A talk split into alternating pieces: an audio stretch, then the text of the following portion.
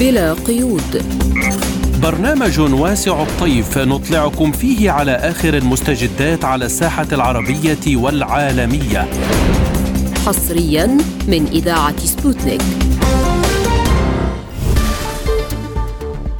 تحية طيبة لكم مستمعينا الكرام في هذه الحلقة الجديدة من بلا قيود. سنكون معكم فيها على مدار ساعة كاملة. أنا محمد جمعة. وأنا فرح قادري والبداية بأبرز العناوين.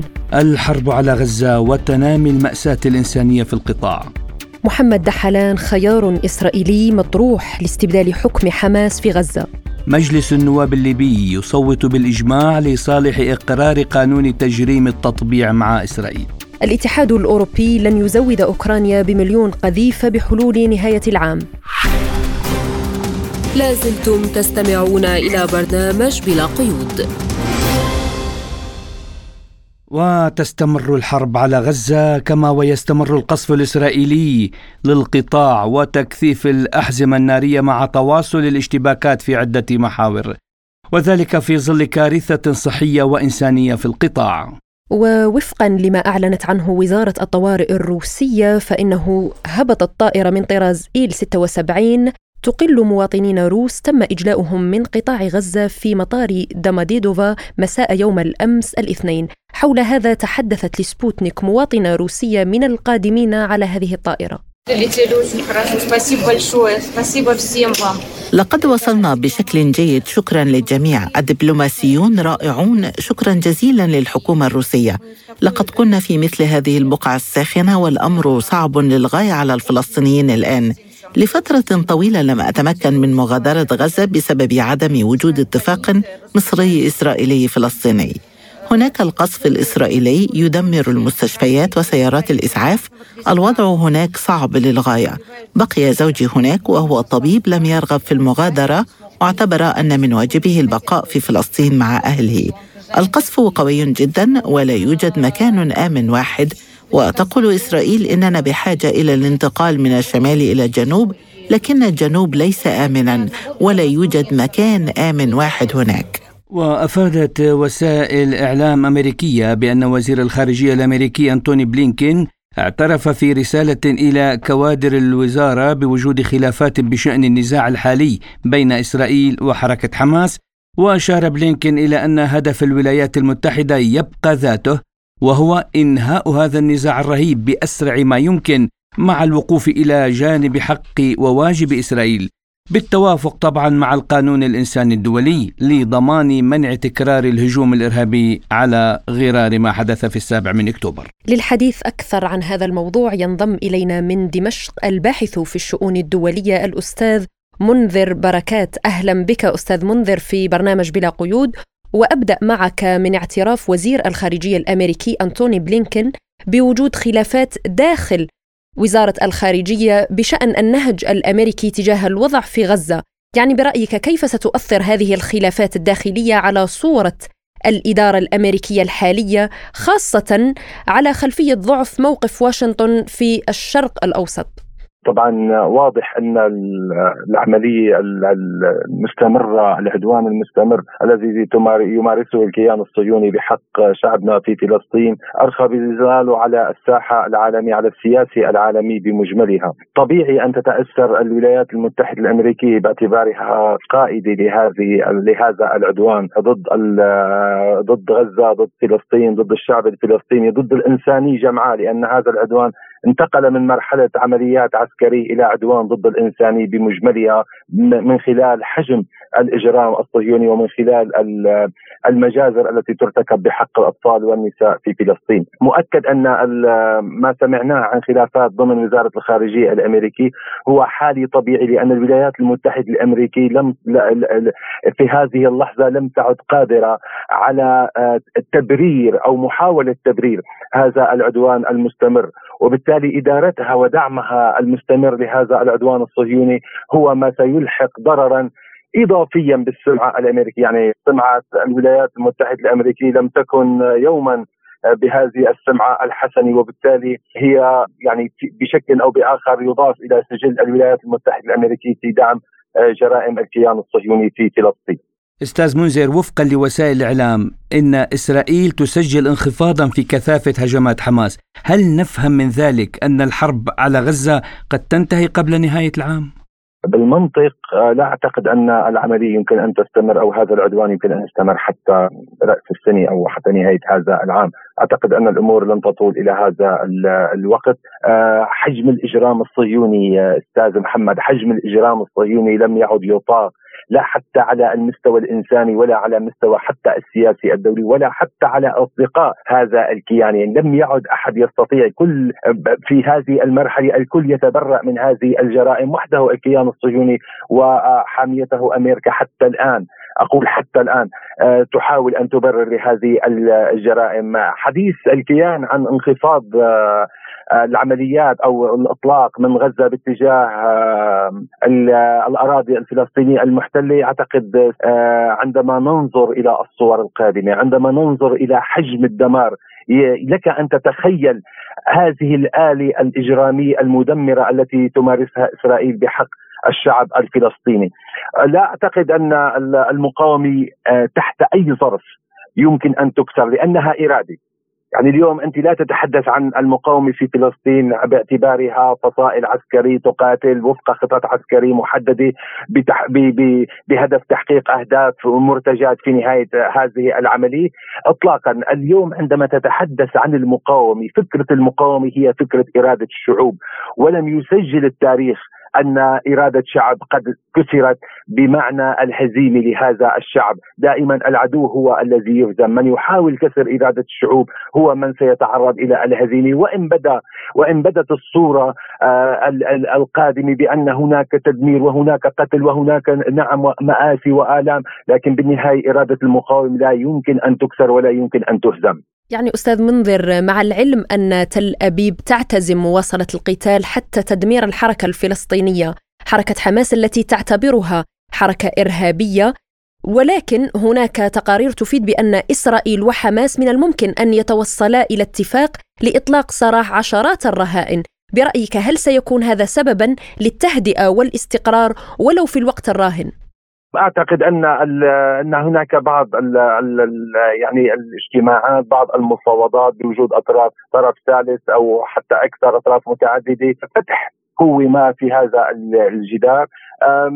أعتقد أن يعني اليوم آه، في في في واحد من أهداف آه، حركة حماس أو المقاومة آه، لعملية 7 تشرين أول كانت إيجاد حل لآلاف المعتقلين الفلسطينيين المعتقلين الإداريين بدون محاكمة والمسجل عليهم أحكام في سجون الكيان الصهيوني فأعتقد كان من ضمن أو من أولويات المقاومة في فلسطين أن أن آه، آه، تجد طريق ما من خلال آه، أسر عدد من الجنود الصهاينة للمبادرة على المقاومين وال المدنيين الذين يقبعون في سجون الاحتلال منذ عشرات السنين. أعتقد أنها بداية أعتقد أنها خطوة أولى. قد نسمع بالأيام القليلة القادمة عن اتفاقيه للتبادل وأعتقد أنها يتلوها اتفاقيات لترتيبات معينة.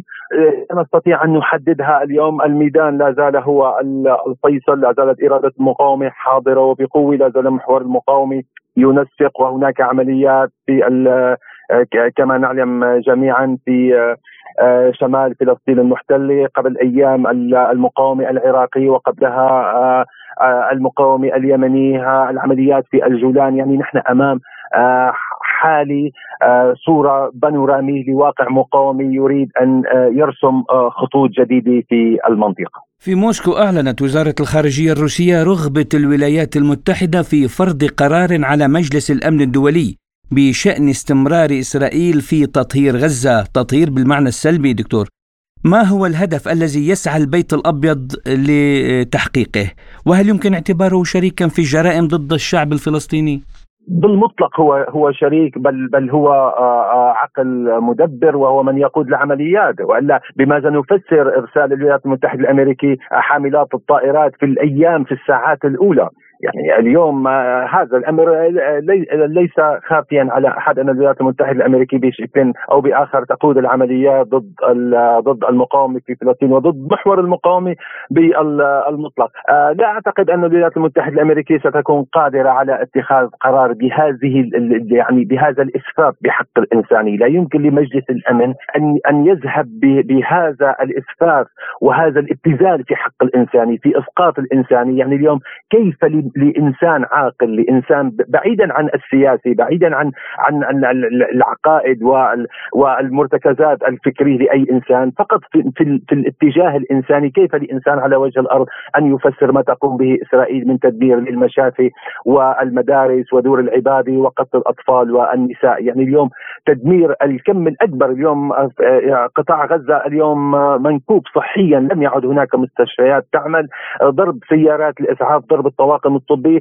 قد تأتي الإحصائيات في مرحلة لاحقة لنتبين حجم ما خسرته المنظومه الصحيه من من من أفراد ومن معدات خلال الغزو والعدوان الصهيوني المستمر. يعني أستاذ في سؤال أخير أمريكا تدعم قلبا وقالبا إسرائيل وهي مشاركة في هذه الجريمة والإبادة الإنسانية في غزة ما الذي يمكن أن تتحمله الولايات المتحدة من عواقب برأيك أعتقد انه مزيدا من سوء السمعه الأمريكي مزيدا من آه، كذب وفضح كذب وافتراءات ومقولات الولايات المتحدة الأمريكية حول الحريات وحول الديمقراطيات وحول حقوق الإنسان. أعتقد أن أن هناك انهزام كامل لهذه المنظومة التي تغنت فيها الولايات المتحدة الأمريكية عبر سنوات طويلة وكانت تحاول دائما أن تظهر نفسها على أنها آه، حاملة مشعل الحريه بأنها من تريد نشر الديمقراطيه والحريات في العالم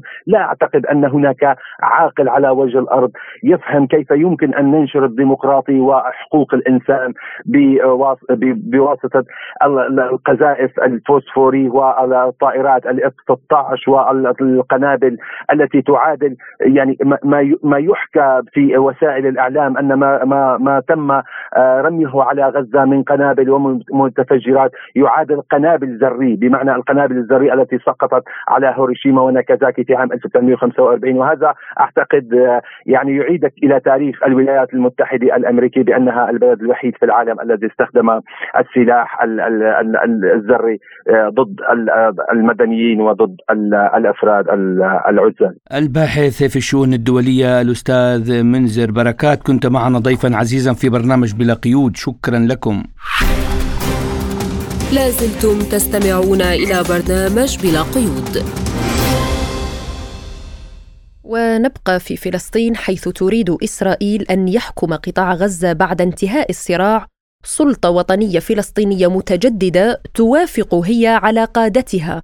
أفاد بذلك الصحفي الأمريكي سيمور هيرش وأوضح أن الإسرائيليين يسمون القيادي السابق في حركة فتح ورئيس جهاز الأمن الوقائي الفلسطيني السابق في غزة وقائد سابق لمنظمة شبيبة فتح محمد دحلان كمرشح لمنصب الرئيس الجديد للسلطة الفلسطينية. وأشار الصحفي الأمريكي إلى أن إسرائيل تخطط أيضا للسيطرة على الحدود مع مصر وعلى المرور من وإلى قطاع غزة. وفي الوقت نفسه أكد هيرش أن نتنياهو يهدف إلى التدمير الكامل لحركة حماس. وللحديث أكثر عن هذه التطورات تستضيف معنا الباحث الأكاديمي مدير المركز السوري للدراسات والنشر الأستاذ جميل الحايك.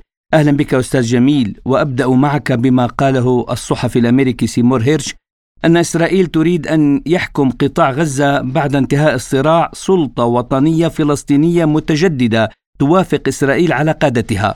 والسيطرة طبعا على حركة المرور من وإلى قطاع غزة. أستاذ جميل هل يمكننا القول أن تل أبيب كانت تسعى منذ البداية إلى تحقيق هذا الهدف بالتحديد؟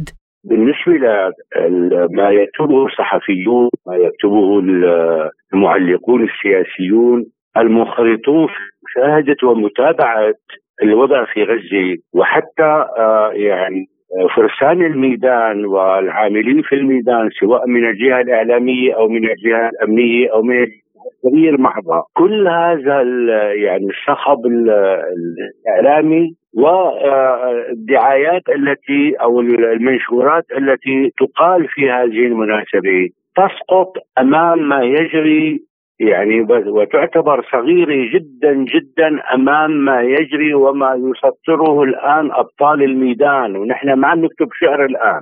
يعني بمعنى ما يقوم به اليوم المقاومون. في في غزة. يدهش العالم كله. من من ناحية اولا احقيه ومشروعية ومظلومية هذا الشعب المحاصر منذ عشرين عام. هذا الشعب الذي خرج من القمقم وكسر الأغلال في سبعة تشرين يحق له أن يرسم المعادلات الجديدة التي يجب أن يعني يتنفس منها الإنسانية والحرية وهواء الاستقلال كفى كفى تدميرا وحصارا وموتا زؤاما. تمارسه هذا يمارسه هذا الكيان العنصري الأبارتهيد. يعني العالم كله الآن لن لن نتحدث نحن كعرب متضامنين. إخوة لنا أشقاء يموتون خنقا وجوعا وعطشا. وتسد عليهم أبواب الحياة،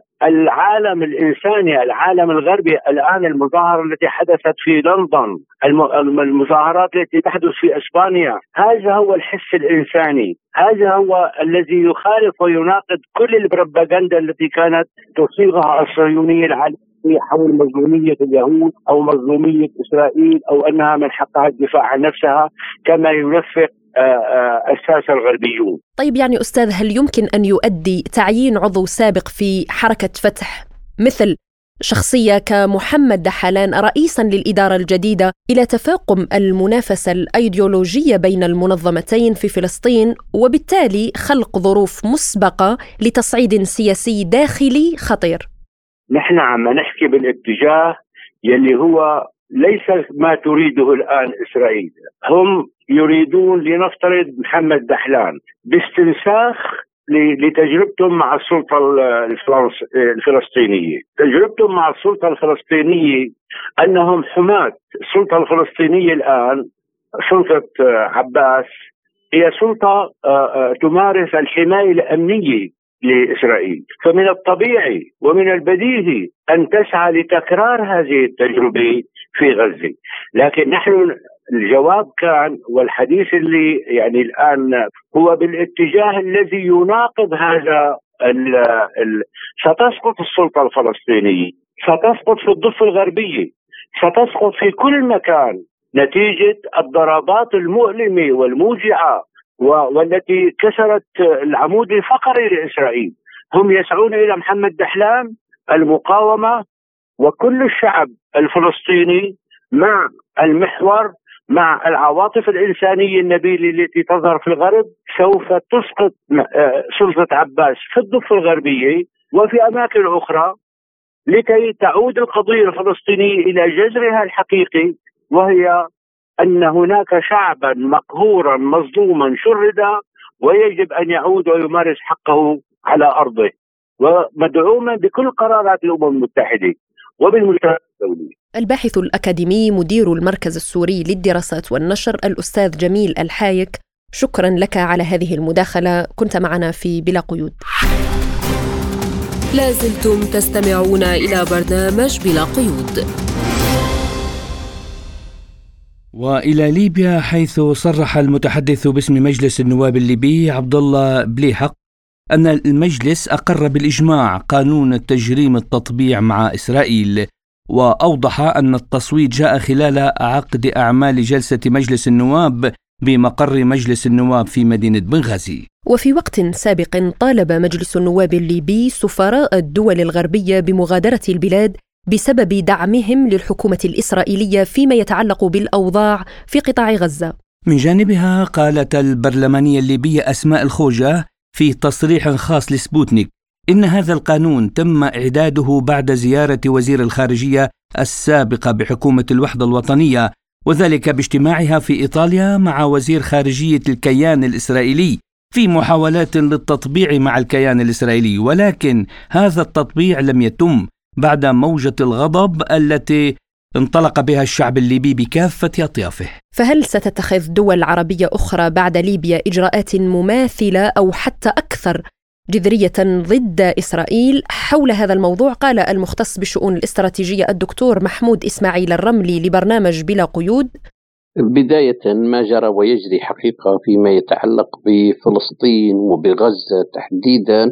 حقيقة جريمة في غاية الفظاعة. لم ينتبه المجتمع الدولي لأثارها السلبية والواقع العملي أن الليبيون بشكل حقيقي صفا واحدا لا يمكنهم بأي حال من الأحوال القبول بهذه الجرائم وكل الدول التي هي تنتمي إلى القانون الدولي والعدالة والإنسانية يجب ألا ترضى بالجرائم والفظائع التي ترتكب في غزة والتي ترتكب ضد الفلسطينيين والتي ليست وليدة اللحظة وإنما بناء على تراكمات من زاوية وبناء أيضا على زاوية ثانية دعم غربي لا محدود لكن من زاوية ثانية للدول العربية وللإسلامية حقيقة رصيد كبير وكبير جدا وقادرة على الحد من هذه الفظاعات التي ترتكب إذا وحدت كلمتها واتخذت إجراءات كما هو الإجراءات الليبية في مقاطعة الكيان الإسرائيلي وفرض مقاطعة ومنع التطبيع وتجريمة وهو أمر حقيقة مهم ومهم جدا من أجل الحد من هذه الجرائر والجرائم. لكن للأسف إلى الآن لم يتم العمل على آه، العمل على توظيف هذا هذه الصلاحيات والإمكانيات العربية لم توظف والإسلامية أيضا لم توظف بالشكل الصحيح بحيث يتم وضع حد للتصرفات العنجهية الخارجة عن القانون والتي تقوم بها إسرائيل ومن ساندها من دول. وبدون شك فإن هذا القرار سيؤدي أيضا أو قرار ما يتعلق بمنع التطبيع وتجريمه هذا سيعني أيضا رسالة واضحة مؤداها عدم إمكانية تمدد المطبعين وإمكانية تغلغلهم إلى الشمال الأفريقي ابتداء من ليبيا الثانية فشل مشروع التطبيع مع الأنظمة لأن الشعوب ترفض ذلك جملة وتفصيلا. والزاوية الثالثة أيضا أن هذه رسالة إلى أن الذين طبعوا لن يستفيدوا وأن شعوبهم ضدهم وأن عليهم أن يراجعوا إجراءاتهم وقراراتهم فهي قرارات معيبة بالمطلق. وحول هذا القرار وإمكانية تحسينه لصورة ليبيا بعدما ساءت نتيجة لقاء وزيرة الخارجية السابقة بحكومة الوحدة الوطنية نجلاء المنقوش بنظيرها إيلي كوهين في إيطاليا في وقت سابق. يقول الرملي حقيقة كان معيبا جدا وكان شيئا مشينا لقاء وزيرة الخارجية لجلاء المنقوش مع مع المطبعين من الإسرائيليين وكان كارثة حقيقة ولكن هو أمر غير مقبول. ولا يمكن أيضا الاستمرار فيه ولذلك جاء ما جاء بعده وانتهت هي بالإزاحة وانتهى الليبيون إلى قرارات لا شك أنها سليمة في منع. وحول إمكانية أن تحذو دول عربية وإسلامية حذو ليبيا في إقرار قانون يجرم التطبيع مع إسرائيل يقول الدكتور الرملي لبرنامجنا.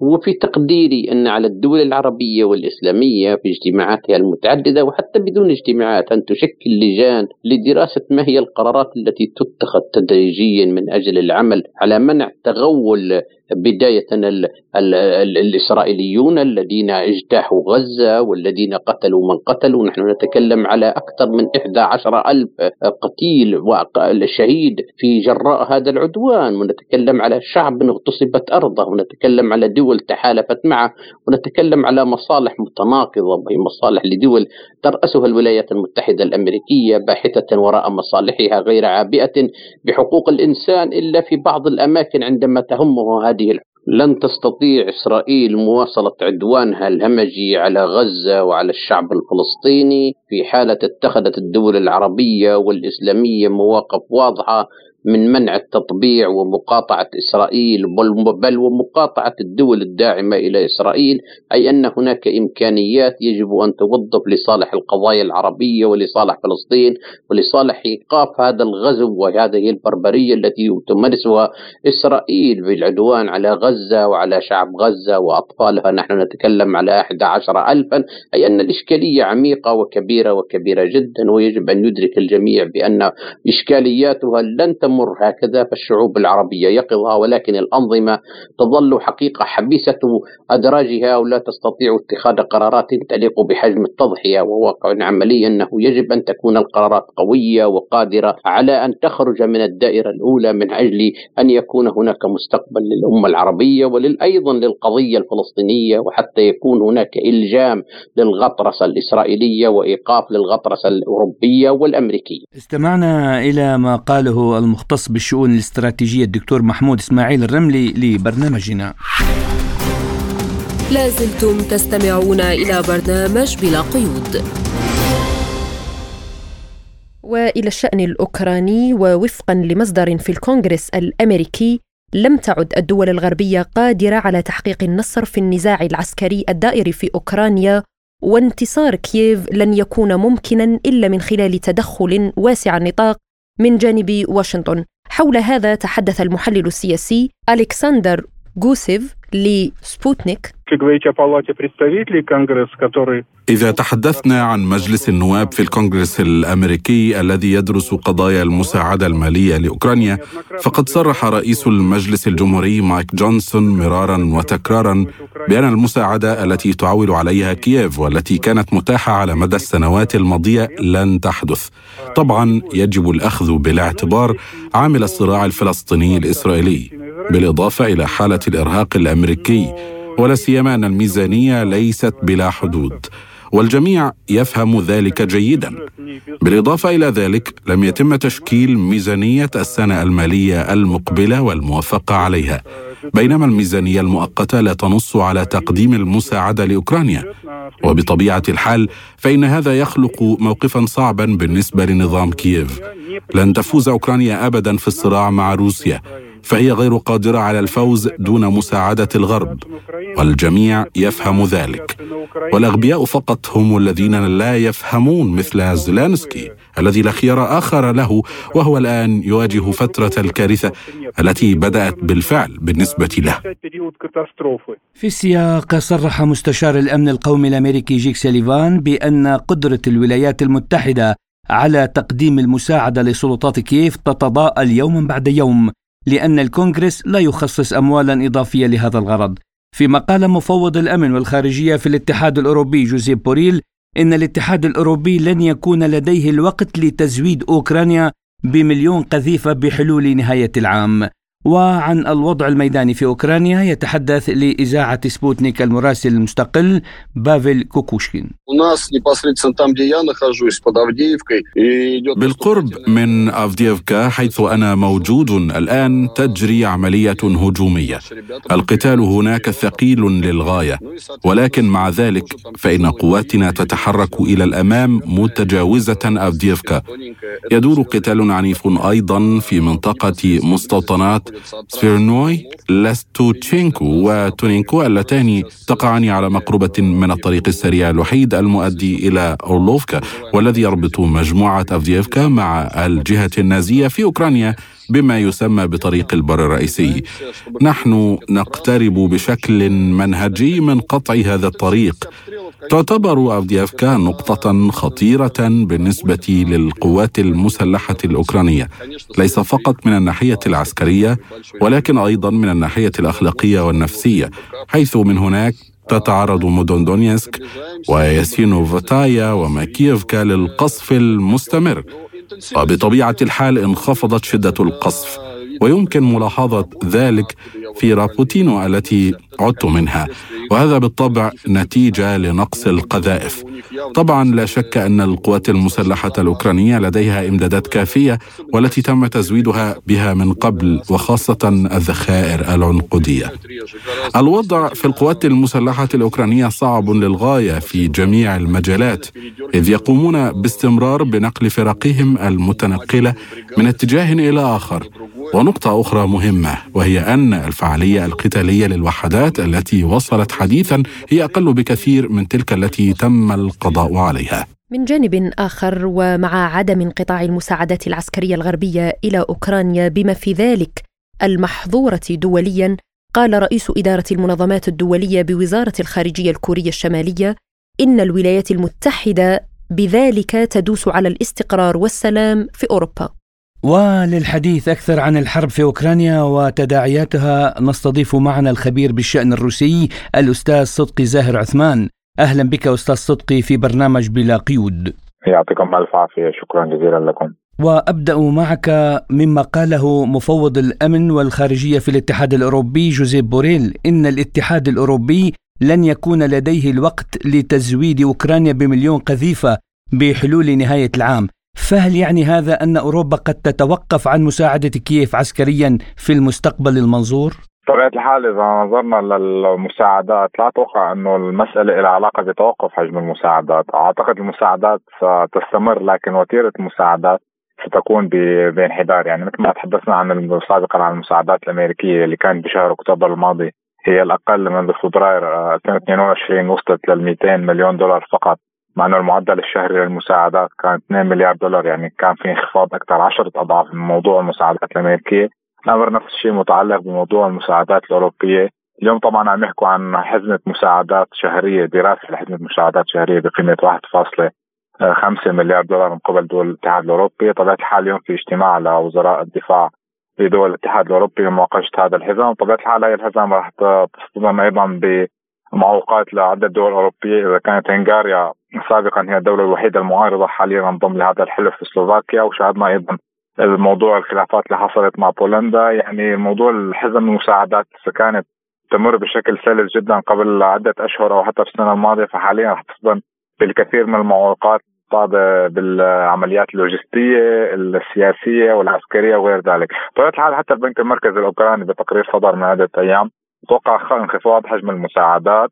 بطبيعة الحال أرقام البنك المركزي الأوروبي البنك المركزي الأوكراني يعني ليست كثير دقيقة لكن هو يعني أرقامه جدا متفائلة. لكن مع ذلك إذا أخذناه بعين الاعتبار عم يحكي عن 45 مليار دولار كانوا في عام 2023 رح ينخفضوا العام القادم ل 38 مليار دولار وفي عام 2025 ل 25 مليار دولار. يعني أرقام شوي رافعينها يعني رافعين سقف التوقعات. أظن إنه آه، مبالغ التمويل حتى تكون أقل من هيك. وتحدث البنك المركزي الأوكراني إنه حجم العجز بالمواجهه الاوكرانيه لولا هذه المساعدات الأجنبية رح يكون 30% آه، ورقم جدا كبير. ولازم نذكر إنه ارتفاع آه، معدل الدين العام الأوكراني نسبه للناتج المحلي الإجمالي. إذا كان في عام 2021 48% فقط الدين للناتج المحلي الإجمالي. اليوم عم نحكي عن 95% بطبيعة الحال الموضوع أيضا متشعب. يعني ألمانيا في جدا تناقضات بتصريحاتها يعني بحسب بلومبرج تقرير صدر من عدة أيام بتحكي إنه ألمانيا مستعدة لمضاعفة المساعدات العسكرية لتغطية الانخفاض بالمساعدات الأمريكية. بحسب تقرير لبلومبرج واستنادا لبيلد عم يحكوا إنه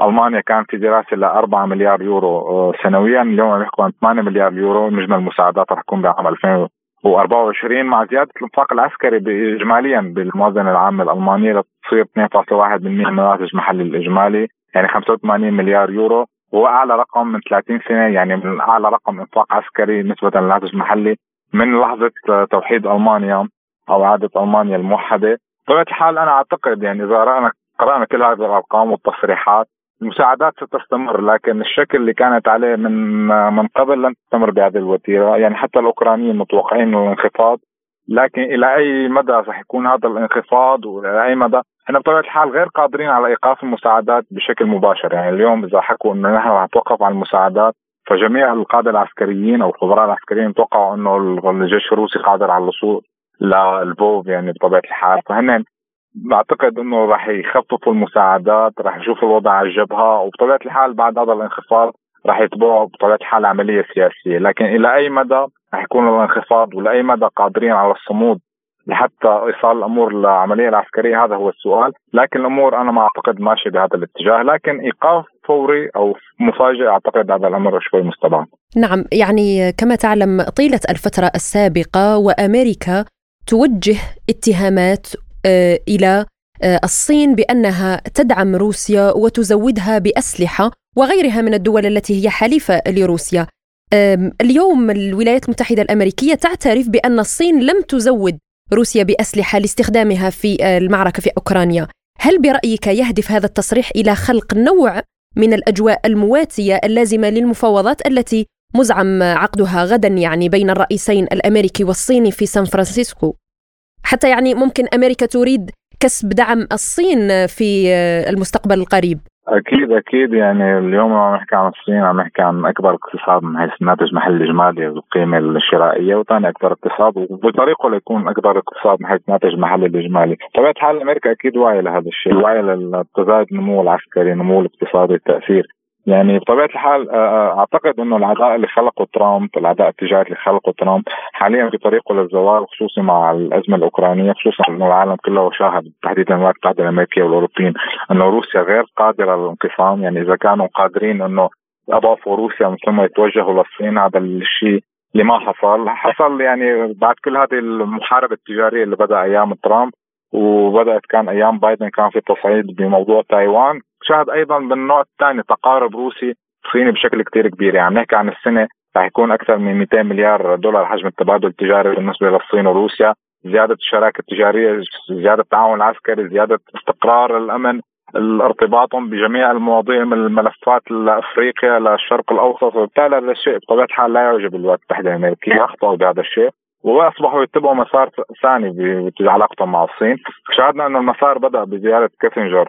الصيف الماضي بتموز للصين. على الرغم أنه كيسنجر هو ليس شخصية يعني حاليا رسمية لكن زيارته لها جدا دلالات لأنه كيسنجر كان عراب العلاقات الصينية الأمريكية بالعام 1971 وهو اللي هيأ عوده أو اكتساب الصين مقعد الدائم. مجلس الأمن بدل من تايوان وزيارة نيكسون للصين ونجح في إبعاد الصين عن الاتحاد السوفيتي وعن هذا الحلف. بطبيعة الحال زيارة كيسنجر ارتبطت أيضا بزيارات كثير لرجال أعمال الامريكان هذا العام للصين من إيلون ماسك وبيل جيت وغيرهم. بطبيعه الحال كيسنجر كان واضح جدا بعلاقته مع الصين. يعني قال إنه ليس من الحكمة اتخاذ موقف معادي من الطرفين يقرب الطرفين من بعضهم. يعني إذا اتجهنا بالعداء لروسيا واتجهنا بالعداء للصين بطبيعه الحال هذا الطرفين رح يقتربوا من بعضهم البعض. فما مصلحة الولايات المتحدة الأمريكية خلق هذا التحالف المترابط التحالف بطبيعة الحال هن شاهدين بالأرقام إنه عم يزيد. يعني إذا كان حجم التبادل التجاري قبل الأزمة الأوكرانية بحوالي 120 130 مليار دولار عم نحكي عن أرقام مهولة. هذه التبادلات التجارية عم تزيد من نسبة التداول بالعملة التجارية الصينية عم تزيد مواقف روسيا حسما وتأييدها للصين بكل المواقف الدولية. يعني هذا المنطق اللي حكى فيه كازنجر على ما أعتقد إنه حاليا القياده الأمريكية. عم تعيد الاعتبار له عم تحاول تطري موضوع. ولازم ما ننسى إنه التصريحات الأمريكية خلال السنتين السابقات المتعلقه بتايوان والاستفزازات في بحر الصين يعني أدى إلى أيضا استفزاز صيني شهدنا مؤتمر الحزب الشيوعي السابق للحزب الشيوعي الصيني. تحدثوا كثيرا عن تايوان عن إعادة توحيد الأراضي الصينية عن هي مسألة أساسية وقومية وزاد الاستفزاز. حاليا الولايات المتحده الامريكيه لا أعتقد إنه هي قادرة على فتح ثلاث جبهات. يعني اليوم لما فتحت جبهة الكيان الصهيوني وفلسطين وقطاع غزة شفنا انخفاض كبير بموضوع مساعدات موجهة لأوكرانيا، فكيف الحال إذا لسه بده يفتحوا جبهة ثالثة فيما يتعلق في تايوان، فاعتقد أن السياسة الأمريكية هلا حاليا متجهة شوي لتخفيف الحده مع الصين لأنه ما يعني ما مصلحة هذا هذا الشيء، وعم نشوف حتى تصريحات جميع السياسيين الأمريكان ما فيهم المرشح الرئاسي هلا حاليا بمك رام ساومي اللي عم يحكي إنه مواجهة الصين وروسيا سويه سيؤدي إلى تدمير الولايات المتحدة الأمريكية، أكيد الولايات المتحدة الأمريكية واعية لهذا الشيء. عم تحاول تخفف من حد التصريحات وأعتقد انه الزيارة هي الأولى للرئيس الصيني حاليا. نعم ونبقى في السياق الميداني حيث كوريا الشمالية قالت إن الولايات المتحدة تدوس على السلام في أوروبا بتزويد أوكرانيا بأسلحة محظورة. أستاذ يعني هل يدرك ذلك القادة الأوروبيون في نهاية الأمر الذين أصبحوا دمى في أيدي القيادة الأمريكية. آه، للأسف تصريحات كوريا الشمالية آه، يعني إذا نضيف عليها ليست فقط سلام في أوروبا السلام بالعالم يعني الولايات المتحدة الأمريكية ليست فقط تهدف لتدمير أوروبا بل تدمير العالم كل العصر الماضي يعني شاهد على هذا الشيء. للأسف يعني أنا بنظر بشكل مؤسف لدولة مثلا بحجم ألمانيا دولة وأمة كبيرة وعظيمة وأنجبت الفلاسفة والعلماء والمفكرين. تكون لهذا الشكل يعني بهذا الشكل يعني صارت ألمانيا ملكيين أكثر من الملك مثل ما بيقولوا يعني بحيث تبعيتها للولايات المتحدة الأمريكية واتخاذ سياسات ممنهجة يعني ترسمها الولايات المتحدة الأمريكية، بطبيعه الحال يعني هذا تاريخ الولايات المتحدة الأمريكية، إذا عدنا لبداية القرن الماضي وتحديدا من الحرب العالمية الأولى كيف استغلت الولايات المتحدة الأمريكية هذا الشيء ودخلت في نهاية الحرب العالمية الأولى ستدخل بقائمة الدول المنتصرة لما دخلت الحرب العالمية الأولى في نيسان عام 1917 وما لازم نتناسى دور الولايات المتحدة الأمريكية بين الحربين العالمية الأولى والثانية بدورها في إحياء ألمانيا النازية. يعني كل العالم بيحكوا عن المعجزة الاقتصادية الألمانية أو أن كيف ألمانيا استطاعت القيام بهذا المعجزة الاقتصادية. لكن لا يجب أن نتناسى أنه خطة دوز عام 1924 كان مهندسها هو الأمريكي والاقتصادي الجمهوري دوز وخطة يونغ عام 1929 يلي كمان خطة هي أمريكية لإنقاذ الاقتصاد الألماني. ولازم نتناسى إنه عام 1938 حصل هنري فورد اللي هو المدير ومالك شركة فورد للسيارات. كانت من أكبر شركات سيارات بالعالم حصل على ميداليه الحزب النازي. ما لازم نتناسى إنه كان هتلر حتى حاطط على الطاولة تبع المكتب تبعه أيضا صور هنري فورد. يعني في عديد الكتب تحدثت عن هذا الدور الأمريكي الكبير. يلي أدى لتمويل ألمانيا النازية في الفترة بين الحرب العالمية الأولى والثانية، يعني اليوم عم نحكي عن دور ستاندرد اويل، ستاندرد اويل مملوكة من روكفيلر اللي هو شاركت في اي جي فاربن الشركة الألمانية للصناعات الكيماوية اللي قدرت فيها من خلال ألمانيا تصنع الأسلحة الكيماوية أو حتى تطور نوع معين من الاوكتان العالي. كلنا بنعرف إنه ألمانيا ما كان عندها نهائيا موارد وكان تسعى للحصول على موارد باكو بالحرب العالمية الثانية. كان هذا الموارد مغطيه كلها من ستاندرد اويل ما لازم ننسى تمويل الحملات الانتخابية لهتلر اللي حصل من قبل شركة المؤسسه العامه للكهرباء الألمانية هي تابعه أيضا لشركة جنرال الكتريك هذا دور كبير لأن الدولة الولايات المتحدة الأمريكية تورطت في خلق وحش مثل ألمانيا وحش. أدى لتدمير القارة الأوروبية، تدمير القادة الاوروبيه القارة الأوروبية أدى بطبيعة الحال إلى سيادة الولايات المتحدة الأمريكية على العالم من خلال خطة مارشال، من خلال اتفاقية بريتن وود لثبت الدولار كعملة عالمية، من خلال انشاء حلف شمال الأطلسي. نعم نعم يعني حتى كذلك وسائل الإعلام آه، ربطت انتصار كييف بالدعم المادي والعسكري الأمريكي الزائد. يعني آه، برأيك ما مدى احتمالية حدوث آه، مثل هذا السيناريو في أن واشنطن ستزيد من الدعم المادي والعسكري للنظام في أوكرانيا في ظل الوضع الكارثي الذي تعيشه القوات المسلحة الأوكرانية ونظام كييف ككل؟ أعتقد حاليا ذروة المساعدات يعني المساعدات الأمريكية لا كييف بلغت ذروتها. يعني النتائج على الأرض لم يحققوا أي من النتائج على الرغم من البروباغندا وعلى الرغم من وإذا اتجهنا حتى للوضع الداخلي الروسي هذا الوضع الداخلي الروسي هو مزعج للولايات المتحدة الأمريكية أكثر من موضوع الإخفاقات العسكرية. يعني إذا هن كانوا معولين على انهيارات داخلية اقتصادية فهذا الشيء لم يحصل. يعني الموضوع ليس له علاقة على ما أعتقد بال بالمساعدات المادية. يعني اليوم عم نحكي عن إنه ارتفاع نسبة تجنيد النساء في الجيش الأوكراني لأكثر من 40% عم تحدث متوسط أعمار الأوكرانيين الجنود الأوكران 43% 43 سنة عفوا متوسط أعمار الجنود الأوكران على الجبهة. اليوم عم نحكي عن خسائر بحسب الايكونومست يعني خسائر أكثر من 180 ألف جندي أوكراني خلال هذه الفترة وخسائر على ما أعتقد أكثر يعني خلال بس العملية الهجوم المضاد خلال هذه عدة الأشهر كان أكثر من 90 ألف. اليوم عم نتحدث عن موضوع الفساد الفساد ليس المرتبط أيضا بموضوع وزارة الدفاع موضوع التجنيد. يعني اليوم عم نحكي عن فساد آه، في فيديو انتشر كثير على مواقع التواصل الاجتماعي لأمرأة أوكرانية زوجها ضائع وعم تحكي عن فساد داخل الجبهة الأوكرانية. إذا بتدفع مبالغ من 1000 ل 2000 دولار هو بيحطوك الضابط المسؤول عن الكتائب بحطك في أماكن آمنة. إذا بتدفع مبلغ معين 2000 3000 دولار بيعطيك إجازة 10 أيام إذا بتدفع بتتخلى عن راتبك. يعني يعني فضائح جدا بالجله يعني الموضوع له علاقة بالمال ويعني موضوع جدا سيء. وهذا طبعا الفضائح اللي, اللي هلأ منتشرة على جميع وسائل الإعلام العالمية. أيضا وصلت المتحده الأمريكية في موضوع المساعدات. فبالتالي حتى انه روسيا يعني حجم الخط الدفاعي اللي رسمته مو خط دفاعي واحد عدة خطوط دفاع. يعني اثارت أيضا إعجاب عديد من القاده العسكريين والصحف الأوروبية والعلماء العسكريين يعني خط الدفاع اللي رسمته لجبهة زباروجا كان جدا مثير للإعجاب وانتشرت بطبيعة الحال الكثير من الفيديوهات اللي عم تتحدث عن كمية الكبيرة من الحواجز والموانع وحتى المعوقات اللي عم تعيق تقدم القوات الأوكرانية، فبالتالي أعتقد إنه حجم المساعدات وصل للذروة حاليا وأعتقد ان المتحده الأمريكية الامر غير مجدي لا من الناحيه الاقتصادية ولا من الناحيه السياسيه ولا من الناحيه العسكرية. آه، تقديم مساعدات أكبر. يعني مثل ما حكيت في السؤال الأول إنه الموضوع مساعدات أعتقد رايح باتجاه الانحدار يعني الخط البياني سيكون في نزول لكن العملية السياسية ايمتى تبدأ وكيف سيكون نتائجها هذا هو الأسئلة أو هذا هو الشيء اللي راح نشوفه بالأشهر القادمة أو على المدى المنظور.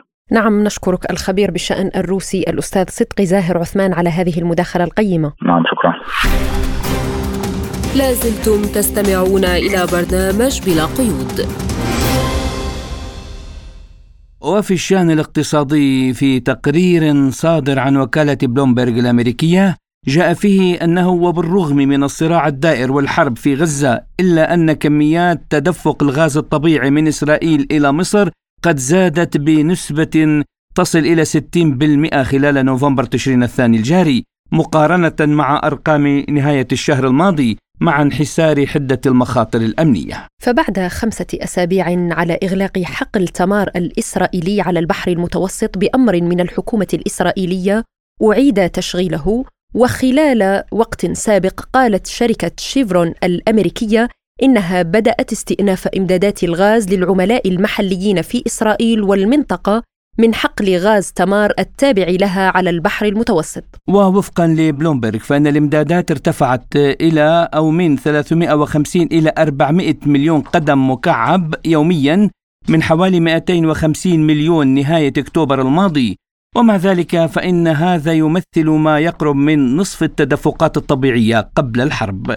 من المرجح أيضا أن يستأنف خط أنابيب غاز شرق البحر الأبيض المتوسط الذي يمتد من عسقلان شمال قطاع غزة إلى العريش المصرية هذا الأسبوع. للحديث أكثر حول هذا الموضوع نستضيف معنا من القاهرة الدكتور محمد سيد أحمد السيد المحلل السياسي للشؤون الإقليمية. أهلا ومرحبا بك آه، دكتور محمد.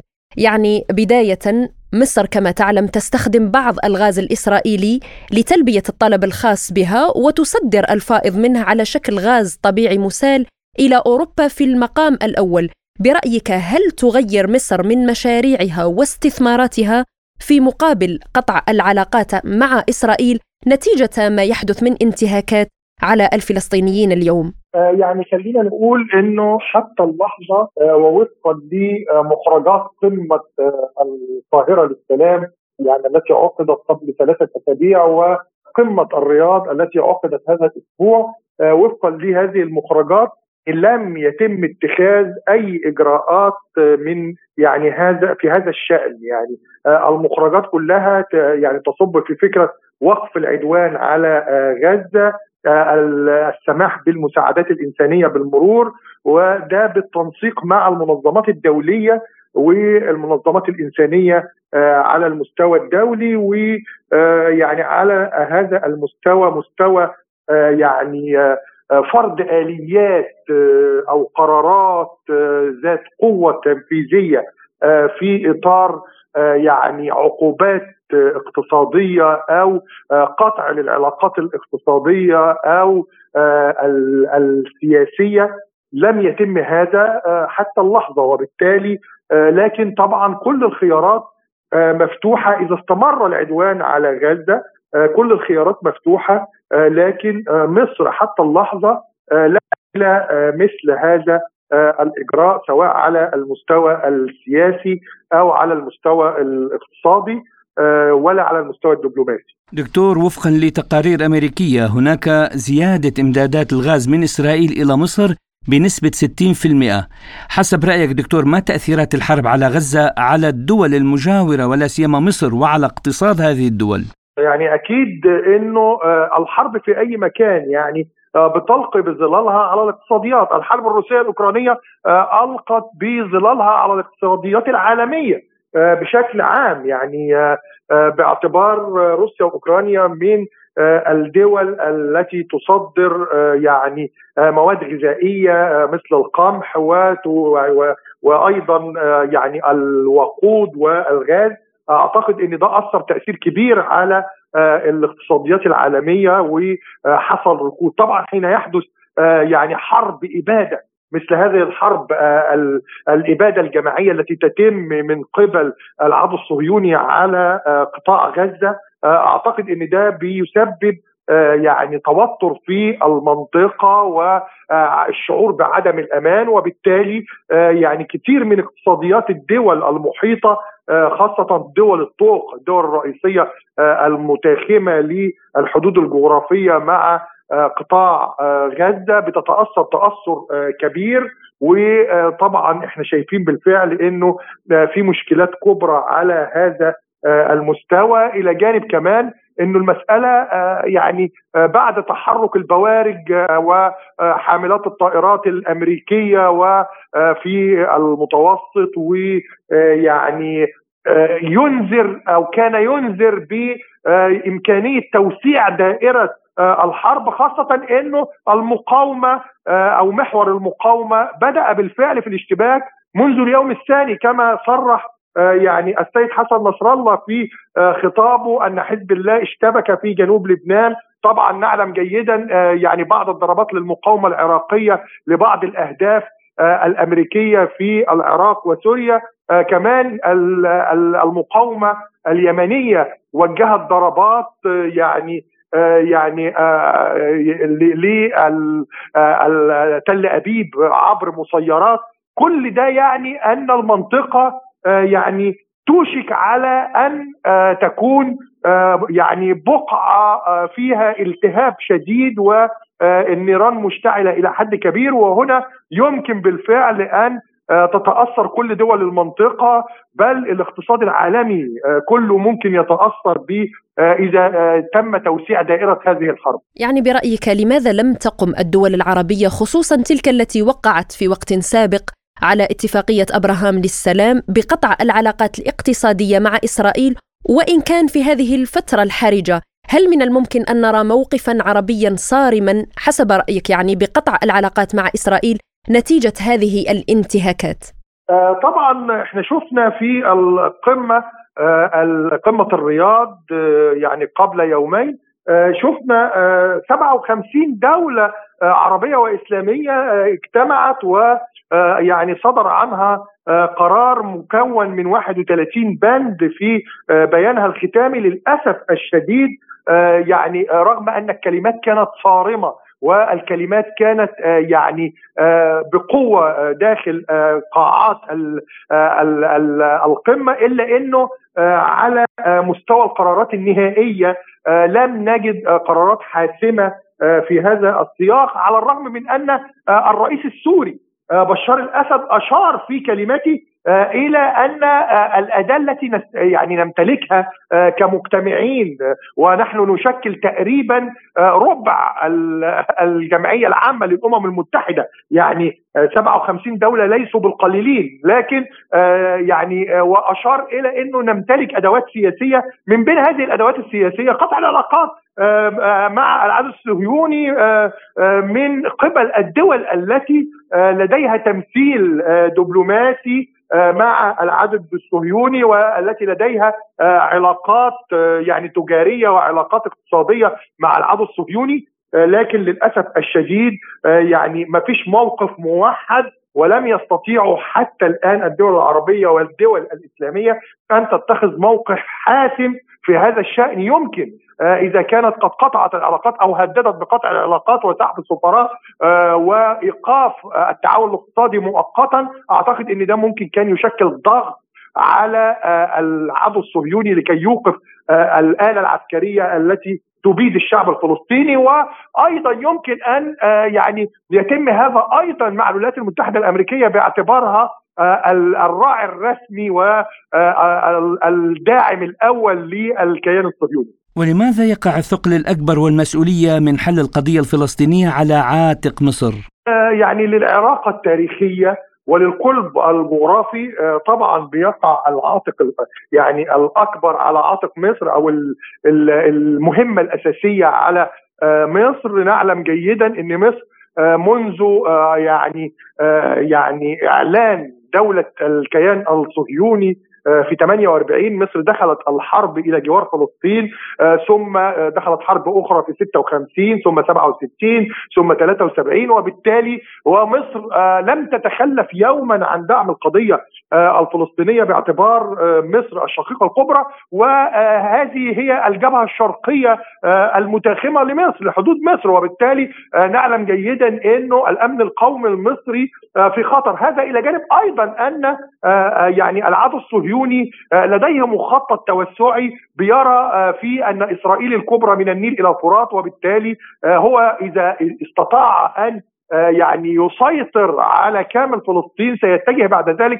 لاستكمال باقي مشروعه التوسعي بالاتجاه للأرض المصرية. وما يعني فكرة توطين الفلسطينيين المقيمين في قطاع غزة في سيناء إلا جزء من هذا المشروع الذي يسعى له العدو الصهيوني وبالتالي مصر بيقع عليها يعني مهمة ثقيلة جدا في مواجهة العدو الصهيوني ودعم القضية الفلسطينية لأن مصر جزء من مخططات الصهيونيه التي تستهدف التوسع لتحقيق حلم إسرائيل الكبرى من النيل إلى الفرات. نعم نشكرك الدكتور محمد سيد أحمد السيد المحلل السياسي للشؤون الإقليمية على هذه المداخلة.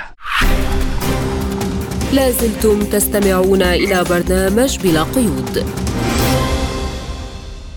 ونختم حلقة اليوم بانطلاق أعمال الدورة الثانية من الكونغرس العالمي للإعلام تحت رعاية الشيخ منصور بن زايد آل نهيان نائب رئيس دولة الإمارات نائب رئيس مجلس الوزراء ورئيس ديوان الرئاسة وتماشيا مع تركيز اليوم الأول على الإعلام البيئي بالتزامن مع الاستعدادات لاستضافة مؤتمر كوب 28 تناقش جلسة مخصصة مع المؤثرين الشباب إنشاء المحتوى لمواجهة تحديات المناخ وسيكون أيضا هناك نقاش إعلامي دولي حول توعية الجماهير حول التغير المناخي كما تناقش جلسة أخرى الدور المهم الذي تلعبه مؤسسات الفكر والرأي في العمل المناخي.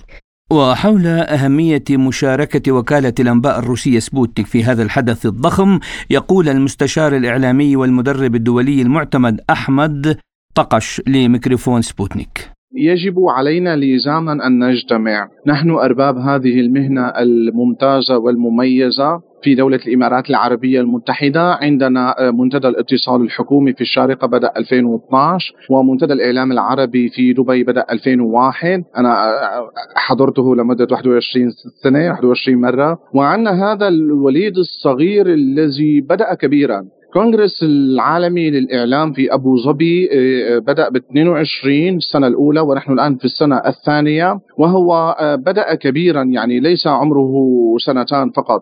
أنا آه، من الكلام الذي سمعته تلك النسخة وهذه النسخة في هذا الانعقاد الثاني أشعر وكأنه هو يعني ولد كبيرا ولد كبيرا. وأنا قلت أنه منتدى الإعلام العربي في دبي هو منتدى الإعلام العربي. أما الكونغرس فهو عالمي. فرحت بحضرات الوزراء من زيمبابوي روسيا أمريكا يعني أوروبا الشرقية والغربية وكل دول العالم موجودة هنا عندنا في دولة الإمارات العربية حيث موجود 222 جنسية و132 ديانة كلهم بيحبوا بعض وما حدا مختلف مع حدا. وحول تأثير مواقع التواصل الاجتماعي وصانعي المحتوى على المعلومة ومصداقيتها من وسائل الإعلام التقليدية يقول صانع المحتوى عبد الرحمن حسن البلوشي لميكروفون سبوتنيك. اليوم عن الإيجابيات والسلبيات ترى موجودة وفي السلبي وفي الإيجابي. مثل ما قلتي اليوم أنت تأخذ الأخبار من قنوات التقليدية قنوات الأخبارية الصحيحة يعني آه، وقلتي لي عن التأثير. هل انه أثر؟ طبعا التأثير موجود. اليوم اتجاه العالم بأج... بأكمله على ال social media. لو تلاحظين الشركات الأخبارية الكبيرة قنوات الأخبارية الكبيرة العالمية اتجهت إلى ال social media. فأن هذا دليل ومؤشر كبير إنه في تأثير إيجابي في هذه آه، مثل ما قلتي ال social media والإعلام الرقمي وهالكلام فنحن ما نقول غير الله يعيننا باللي قادم نشوف شو اللي جاي في المستقبل. لازم نكون جاهزين للمستقبل. وحول أهمية الإعلام في العالم اليوم واستهداف الصحفيين خلال التغطيات الميدانية في الحروب تقول الصحفية والإعلامية والكاتبة رنيم الباشا لميكروفون سبوتنيك. حدث مهم حدث رائع. اليوم الإعلام الإعلام هو الذي يصنع الأحداث أو يصنع يؤثر بالرأي العام. هو الذي يغير الأمور هو الذي يعني أنا أثق بأنه الإعلام صار السلطة الأولى يعني وليس على مستوى العالم. فبالتالي الإعلامي يقع عليه مسؤولية كبيرة وبالتالي هكذا أحداث ومؤتمرات من شأنها أن تحسن وتجعل الإعلامي والوسيلة الإعلامية والمؤسسة الإعلامية بحالة تواصل وبحالة اطلاع على كل ما هو جديد ويعني آه، آه، أن يواكب أن يواكب آه، كل ما هو جديد في العالم ويوظفه لصالح مؤسسته الإعلامية. اولا رحمة لأرواح الصحفيين، رحمة لأرواح الأبرياء المدنيين، الناس التي تقتل كل يوم في غزة، الرحمة لأرواح الأطفال البريئين، هذه المشاهد التي آه، والله أنا كإعلامية لا أستطيع أن أشاهد التلفزيون أحيانا، لا أستطيع أن أشاهد نشرة أخبار، وتعلمي نغم أنه يجب أن نتابع ونطلع على كل الوسائل الإعلامية الأخرى. صحيح. اليوم عندما نشاهد هذا الكم من القتل والتدمير لكل ما هو حي، يعني لا أتحدث فقط عن صحفي. ليست هناك حصانة للصحفي. نرى اليوم آه، مثله مثل يعني أنا لا لا أقول أن روح ال روح ال روحي كإعلامية أغلى من من روح أي مد أي إنسان آخر. ولكن يجب أن يكون هناك فعلا احترام للصحافة أن يكون لها آه، وضعها بأن تنقل هي الصحفي ينقل الصورة. الصحفي يقوم بإعطاء العالم معلومات. بالتالي هو من حقه أن يكون مؤمن على حياته بأنه آه، قد يكون الصحفي قد يتجه لأي مكان خطر في العالم. يجب أن يكون هناك يعني محافظة على حقه في الحياة. وبهذا نصل وإياكم مستمعينا الكرام إلى ختام حلقة اليوم من برنامج بلا قيود. كنا فيها معكم أنا فرح قادري وأنا محمد جمعة. إلى اللقاء.